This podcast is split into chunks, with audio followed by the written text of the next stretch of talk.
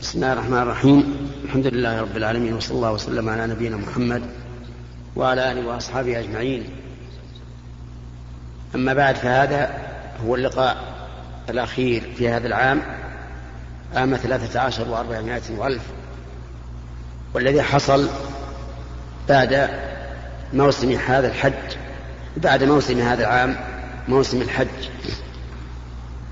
فنسأل الله سبحانه وتعالى أن يختم لنا عامنا هذا بالمغفرة والعفو والرضوان وأن يختم حياتنا بالتوحيد والإيمان.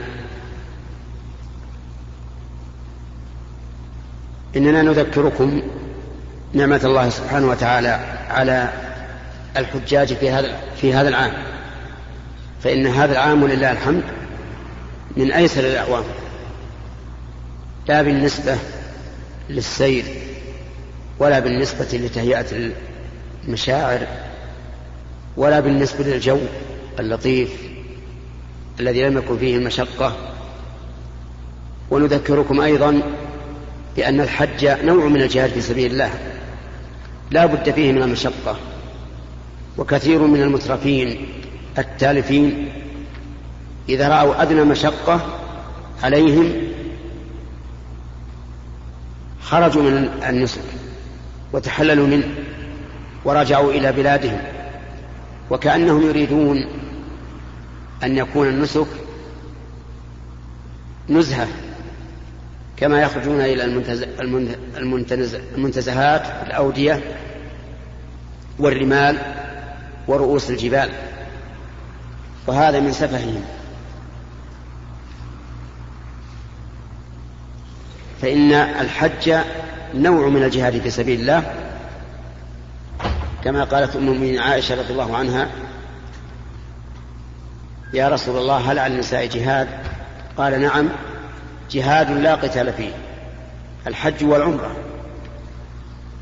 وقد أشار الله إلى ذلك في كتابه حيث قال عز وجل وأنفقوا في سبيل الله ولا تلقوا بأيديكم إلى التهلكة وأحسنوا إن الله يحب المحسنين وأتموا الحج والعمرة لله.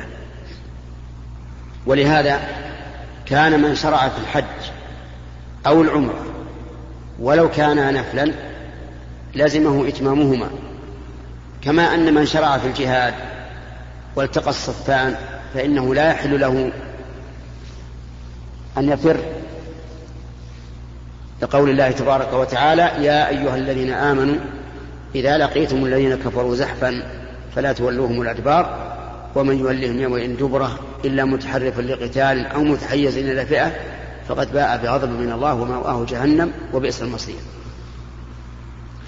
كما أذكركم مرة ثالثة بأن الحج عبادة عبادة عظيمة مسؤولية كبيرة لا يجوز للإنسان أن يتهاون بها بحيث يخرج إليها وهو لا يعلم شيئا.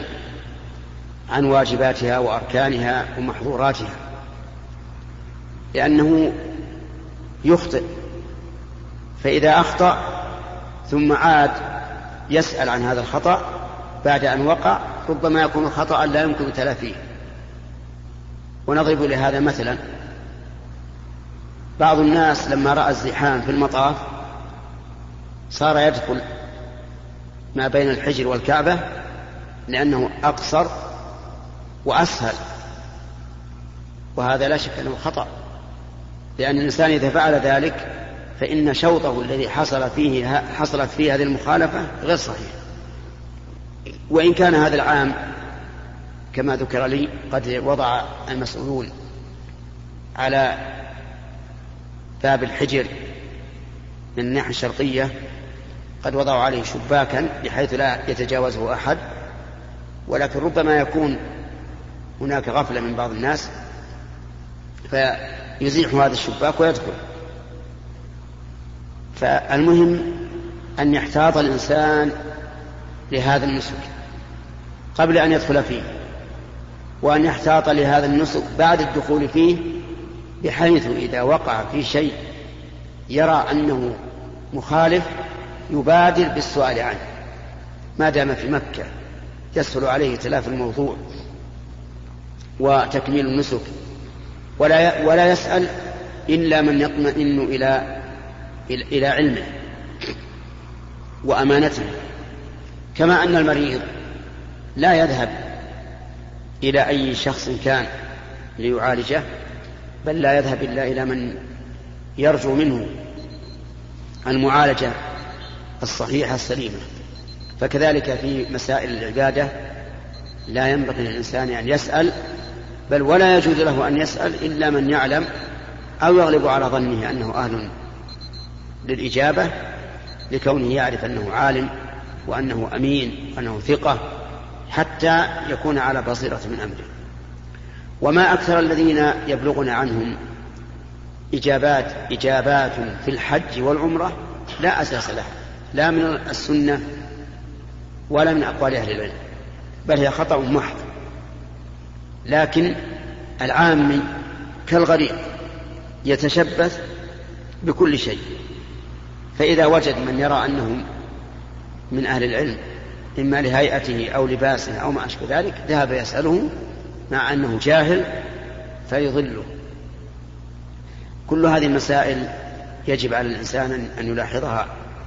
لا في الحج فقط بل في الحج والصيام والزكاة والصلاة والطهارة وغيرها حتى يعبد الله تعالى على بصيرة.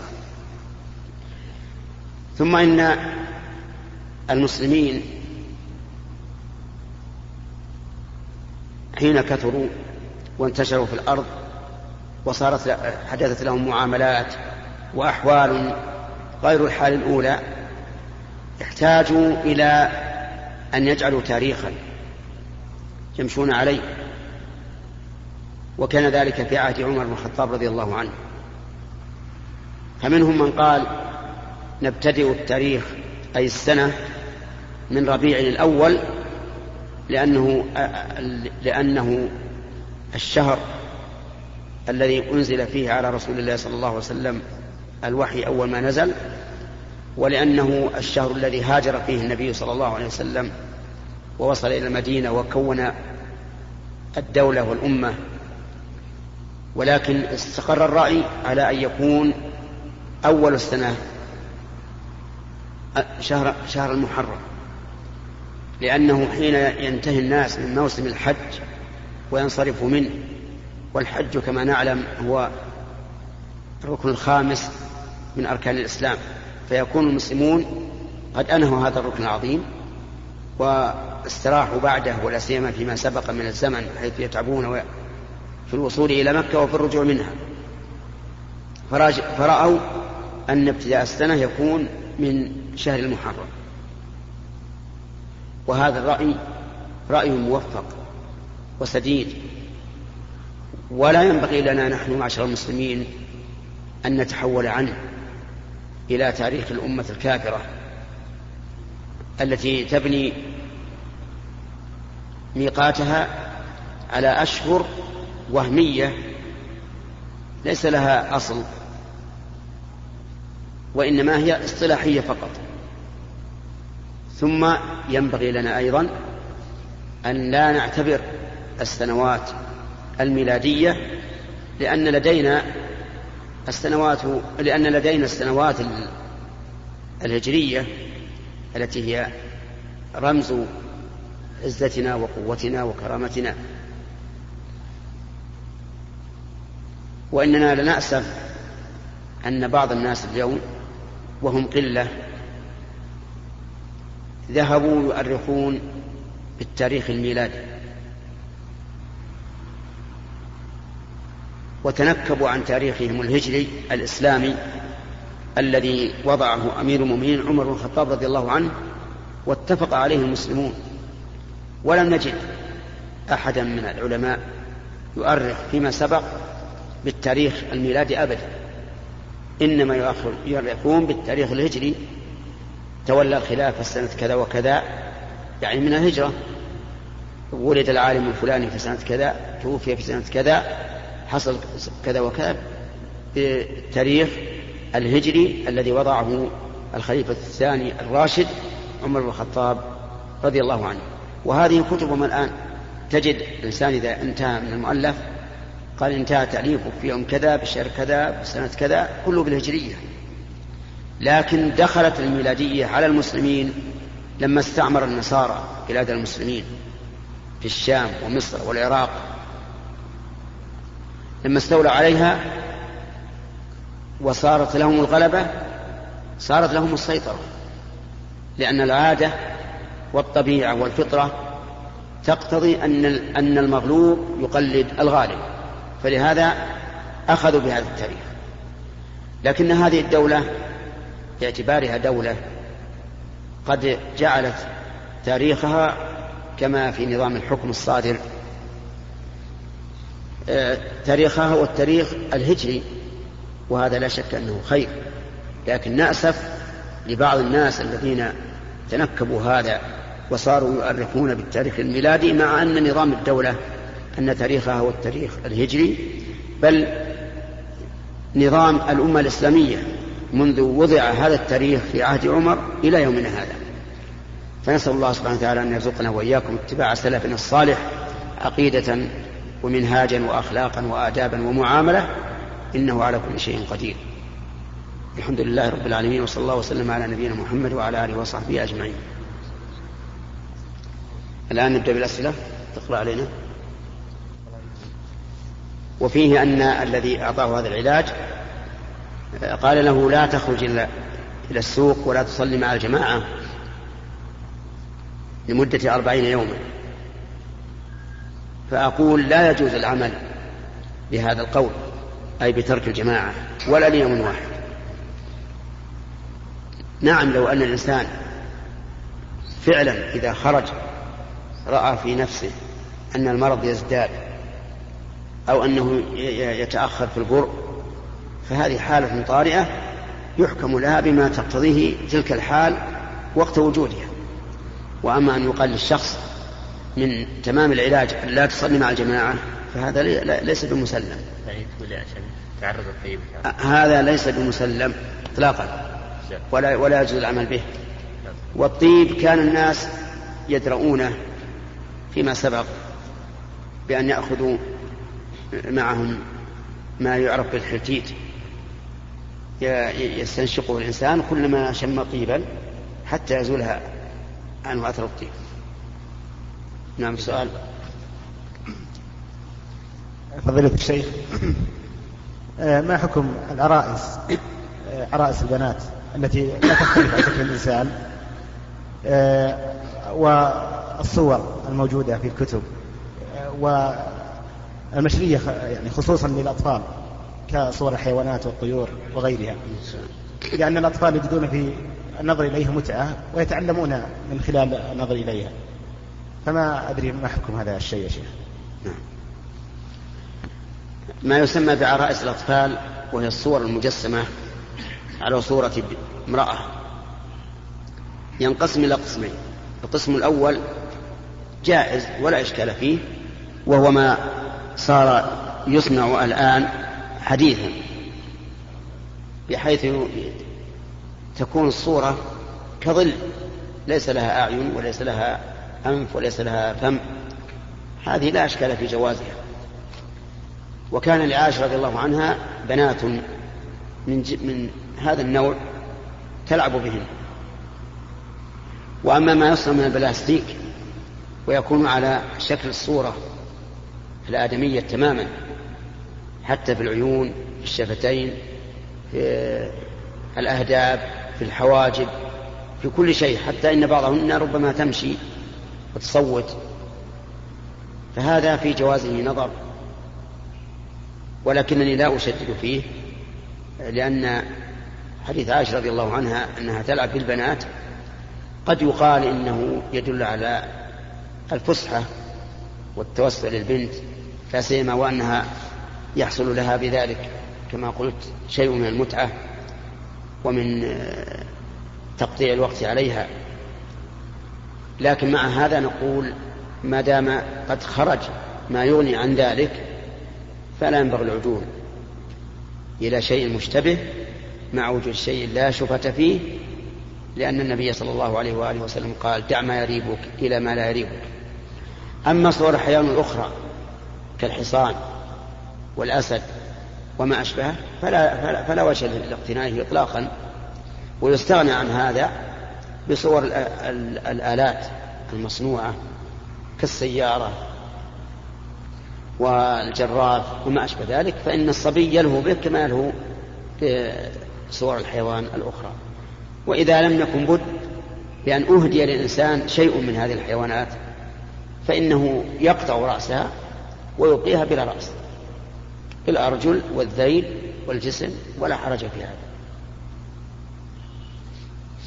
فضيلة الشيخ الرسول صلى الله عليه وسلم لم يدخل حجرة عائشة عندما وجد الصور على الكرام حتى قطعت هذا الكرام وجعلته وسائد. فهل أقتدي بالرسول صلى الله عليه وسلم في هذا إذا دخلت إلى أي مكان أو محل أو بيت؟ نعم. لا شك أن الاقتداء برسول الله صلى الله عليه وسلم مما أمر الله به. وقال لقد كان لكم في رسول الله أسوة حسنة لمن كان يرجو الله واليوم الآخر وذكر الله كثيرا. فإذا دخلت على بيت وجدته قد علقت فيه الصور فارجع ولا تدخل إلا إذا كان. لو كلمت صاحب البيت بأن يزيل هذا أزاله؟ فإنك تأمره أو تطلب منه أن يزيله وتدخل لأن في ذلك مصلحتين المصلحة الأولى إزالة هذا المنكر والمصلحة الثانية إتمام إجابتك للدعوة. أما إذا كنت تعرف أنه لن يقبل منك ولن يزيل هذه الصور فإنه لا شك أن خير الهدي هدي محمد صلى الله عليه وسلم أن لا تدخل على هذا. نعم. ومثل ذلك أيضا ما يوجد في من صور العائلة أو أبي العائلة أو صور الملك أو صور الأمير أو صور الوزير أو ما أشبه ذلك مما يوجد معلقا في براويز. فإنك لا تدخل ما دام هذا الشيء معلقا حتى يزال.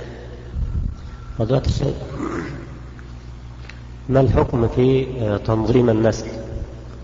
وما الحالات التي وهل هناك حالات توجب على الإنسان أن ينظم النسل إذا كان قليل اليد؟ وبالنسبة ما حكم إنزال الجنين قبل أربعة أشهر. هذا سؤالان سؤالان هذا. نعم بس سؤال يعني مرتبط ببعضه. نعم. تنظيم النسل ليس بيد الإنسان بل هو بيد من, من له ملك السماوات والأرض. كما قال الله تعالى لله ملك السماوات والأرض يخلق ما يشاء يهب لمن يشاء إناثا ويهب لمن يشاء الذكور أو زوجهم ذكرانا وإناثا ويجعل من يشاء عقيما. ولهذا قال النبي عليه الصلاة والسلام في العزل لو شاء الله أن يخلقه ما منعته. قال هذا أو معناه. فالأمر بيد الله. وتنظيم النسل هل هو. للمترقب؟ النسل المقبل أو للنسل الحاضر. كل ذلك بيد الله. ربما يريد الإنسان تنظيم النسل بناء على أن عنده الآن ثلاثة أولاد ثم يأتي على هذه هؤلاء الأولاد حادث يحصدهم جميعا ويبقى ليس له ولد بناء على أنه يريد أن ينظم النسل. ولكن في بعض الأحيان قد تضطر المرأة إلى تأجيل الحمل. ولا نقول تنظيم النسل تأجيل الحمل لسبب من الأسباب كمرضها أو ضعفها أو عجزها عن القيام بحضانة أولادها فهذا لا بأس أن تتخذ ما يؤجل الحمل بشرط أن يكون ذلك برضا الزوج. الفقرة الثانية نخليها تبع هذا ولا؟ هو مرتبط بهذا السؤال. وهو؟ اللي هو آه، حكم انزال الجنين آه، قبل أربعة أشهر. نعم. آه، الجنين إذا حملت به المرأة فإنه كما قال الله عز وجل في قرار مكين. لا يجوز إنزاله لأنه الآن ابتدأ التكوين. منذ كان نطفة ابتدأ تكوينه. وإذا كان العزل قد اختلف العلماء فيه فكيف بشيء بدأ تكوينه؟ فلا يجوز إنزال الحمل منذ تكوينه إلا إذا دعت الضرورة إلى ذلك لكون الأم لا تتحمل الحمل لمرض في قلبها أو في صحتها أو في بطنها أو غير ذلك. فحينئذ ينزل إلى تمام أربعة أشهر. يعني إلى أن تنفخ فيه الروح. فإذا نفخ فيه الروح فإنه لا يجوز تنزيله أبدا بأي حال من الأحوال. حتى لو كان السبب ضرر على المرأة. لأنه إذا نفخت فيه الروح صار إنسانا. والإنسان لا يجوز قتله بأي حال من الأحوال. نعم.